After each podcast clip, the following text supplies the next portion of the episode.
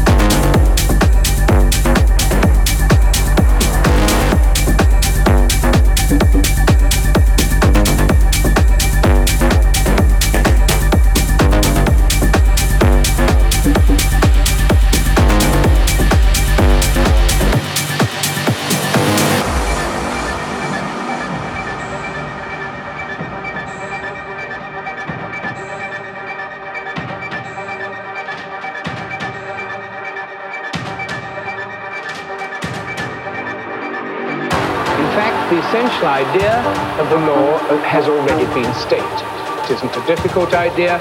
It's the idea of increasing disorder. The, the randomness, chaos, disorder of the, uh, uh, of, of the universe is always increasing. An ex-vice chancellor of Oxford University recently said, thermodynamics, I don't even know what it is.